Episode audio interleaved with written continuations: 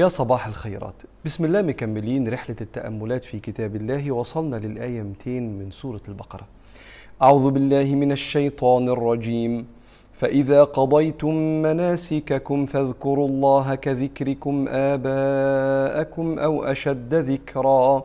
فمن الناس من يقول ربنا آتنا في الدنيا وما له في الآخرة من خلاق. ومنهم من يقول ربنا آتنا في الدنيا حسنة وفي الآخرة حسنة وقنا عذاب النار. أولئك لهم نصيب مما كسبوا والله سريع الحساب. مهم إنك أنت تسمع الفيديوهين اللي قبل الفيديو ده علشان كان الكلام في البداية على مناسك الحج. فربنا اتكلم إن إحنا لما ننوي الحج بلاش يبقى في هناك جدال وفسوق وان إحنا نتزود بالتقوى واتكلمنا عليها في الفيديو اللي قبل قبل ده. وبعدين اتكلمنا المرة اللي فاتت عن بعض الرخص الربانية والعطايا الربانية إن الإنسان ينفع في الحج يقدر يبيع ويشتري ويتاجر فيحقق منافع دنيوية أثناء العبادة الأخروية ووصايا من ربنا سبحانه وتعالى عن أحوال الناس في الحج. ثم بعد كده بتنتهي آيات الحج بالوصية من ربنا سبحانه وتعالى هنعمل إيه في أيام منى فربك بيقول فإذا قضيتم مناسككم فاذكروا الله كذكركم آباءكم أو أشد ذكرا. إحنا النهاردة بنتكلم إن الحاج وقف بعرفة وبعدين بات في مزدلفة ورمى الجمرات في منى وطافوا ساعة في مكة فدي اسمها المناسك. كده أركان الحج خلصت. مناسك يعني العبادات. فربنا بيقول بعد ما تخلص الأركان دي بيبقى لك واجب مهم. إيه الواجب ده؟ إنك أنت تقعد في منى يومين أو ثلاثة أيام. القعدة اللي في منى دي سيدنا النبي عليه الصلاة والسلام كان يقول إنها أيام أكل وذكر. وكأن الإنسان بعد مناسك الحج بيجمع قلبه ويهدى كده في وسط الحجاج كده ويذكر ربنا سبحانه وتعالى شكرا على العبادة الكبيرة دي. وزمان قبل الجاهلية في الجاهلية يعني كانوا لما يتجمعوا في منى عندهم عادة مش حلوة. يقعدوا يتفاخروا بآبائهم وعائلاتهم يتكلموا عن كل واحد ابن مين وده كان بيعمل كبر. أصلا يفسد العبادة يفسد حلاوة العبادة. فربنا بيقول لهم فإذا قضيتم مناسككم طيب اقعدوا في منى فاذكروا الله. زي ما كنتوا بتتكلموا على آبائكم بالفخر لا انشغلوا بقى بربنا. فاذكروا الله كذكركم ابائكم أو أو يعني أو هنا يعني بل. بل أشد ذكر زي ما ربنا يقول كده ثم قست قلوبكم من بعد ذلك فهي كالحجارة أو أشد قسوة بل أشد قسوة. فبيقول لهم فاذكروا الله كذكركم آباءكم أو أشد ذكرا. وبعدين بس عايز أقول لك على حاجة قبل ما أقول لك اللي بعد كده. الذكر هو العبادة اللي بتخلي البني آدم بعد ما يعمل عبادة كبيرة ينتفع بأثر العبادة الكبيرة. أي عمل صالح كبير تعمله في حياتك بعد ما تخلصه كنت بتوزع إطعام كنت بتصلي صلاة طولت فيها مثلا أو حتى الصلوات الخمسة عملت حاجة حسيت بأثرها في قلبك كمل يومك ذكر عشان تحفظ الأثر ده في قلبك وما يجيلكش إحساس الاستحقاق مع ربنا اللي هو أنا عملت لربنا حاجة كبيرة فإيه سيبني بقى أنبسط بقيت يومي بقى فمش هجيب سيرة ربنا خالص ولا هعمل عبادات لا المؤمن مش كده. مؤمن بيشوف إنه لو عمل عبادة مع ربنا ده فضل من ربنا خلى حياته ووقته ليه قيمة. ما أنا وقتي بيبقى ليه قيمة لما ربنا بيخليه في سبيله. فكأني بشكره إنه عمل لحياتي وقت قيمة إن خلى الوقت ده في العبادة بإني مكمل ذكر لربنا سبحانه وتعالى. وبعدين قلبي بيطمئن ويتقفل كده على المعاني الذين آمنوا وتطمئن قلوبهم بذكر الله.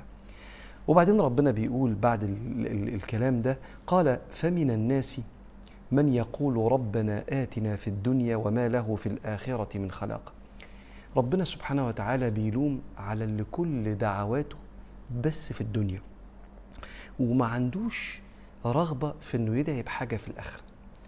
والمقصود هنا في الدنيا مش الأعمال الدنيوية اللي بتنفع في الآخرة بيطلب من ربنا طلبات تنفعه في الدنيا وملهاش أثر في الآخرة. لأنك لو طلبت من ربنا يوفقك في شغلك ده عمل من أعمال الآخرة. يوفقك في دراستك ده عمل من أعمال الآخرة.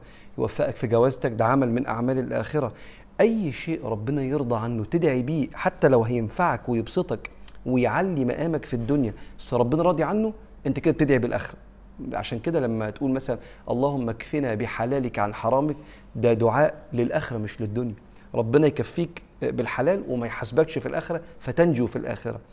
لكن لما تبقى كل الطلبات حاجات ليها علاقة بالدنيا ملهاش أثر في الأخرة ربنا يقول ما تعملش كده. فمن الناس من يقول ربنا آتنا في الدنيا وما له في الآخرة من خلاق ملوش وزن ملوش قيمة. ومنهم من يقول ربنا آتنا في الدنيا حسنة. وحسنة الدنيا لها معاني كتير قوي. معناها الصحة والعافية معناها الزوجة الصالحة معناها العلم اللي يخليني عندي في عقلي أفكار أتصرف بيها تصرفات وأعمل قرارات صح اللي بيسموه العلم النافع معناها العبادة اللي ربنا يرضى عنها وأشهر المعاني الزوجة الصالحة. بس هي جت كلمة حسنة نكرة لتفيد العموم. ومنهم من يقول ربنا آتنا في الدنيا حسنة وفي الآخرة حسنة. حسنة الآخرة أن تدخل الجنة بغير حساب. وفي الآخرة حسنة وقنا عذاب النار. أولئك لهم نصيب مما دعوا مما كسبوا يعني لما يدعي ربنا يستجيب دعاء. والله سريع الحساب. أقول لك حاجتين أختم بيهم الكلام. مرة سيدنا النبي دخل على واحد لقاه مثل الفرخ. فرخ يعني زي ال- ال- ال- الطائر العيان اللي هو خاسس قوي وريشه واقع. كانوا يوصفوا الإنسان العيان اللي جسمه مجهد مثل الفرخ. فالنبي قال له مالك؟ قال له يا رسول الله بصراحة دعيت على نفسي. قلت يا رب اللهم ما كنت مؤاخذي في الآخرة فعجل لي في الدنيا. لو في غلطة هتحاسبني عليها في الآخرة اديني يعني إيه جزائها في الدنيا. قال يا عبد الله لا تستطيع. هلا دعوت ربنا آتنا في الدنيا حسنة اللي هي العافية وفي الآخرة حسنة اللي هي الجنة وقنا عذاب النار. فلما دعا بالدعوة دي ربنا شفاه من الدعوة اللي دعاها على نفسه. حاجة تانية من أجمل ما قرأت.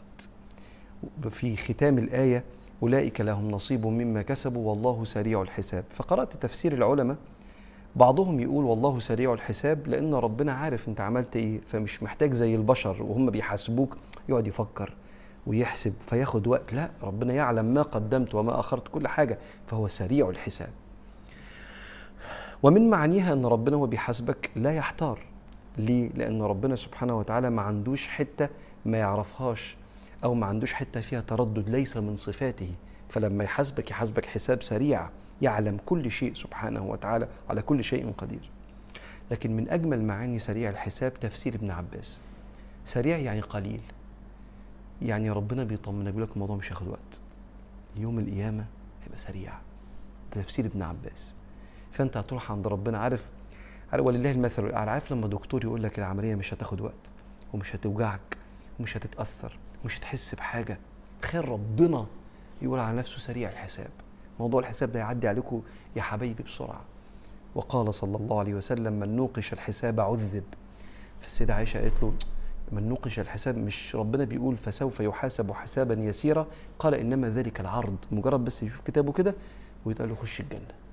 من غير ما يقف يتسأل عن حاجة. فدي كانت الآيات آه، 200 و201 و202 من سورة البقرة صباح الفل والرضا والخيرات. أشوفكم الأسبوع الجاي على خير إن شاء الله. السلام عليكم.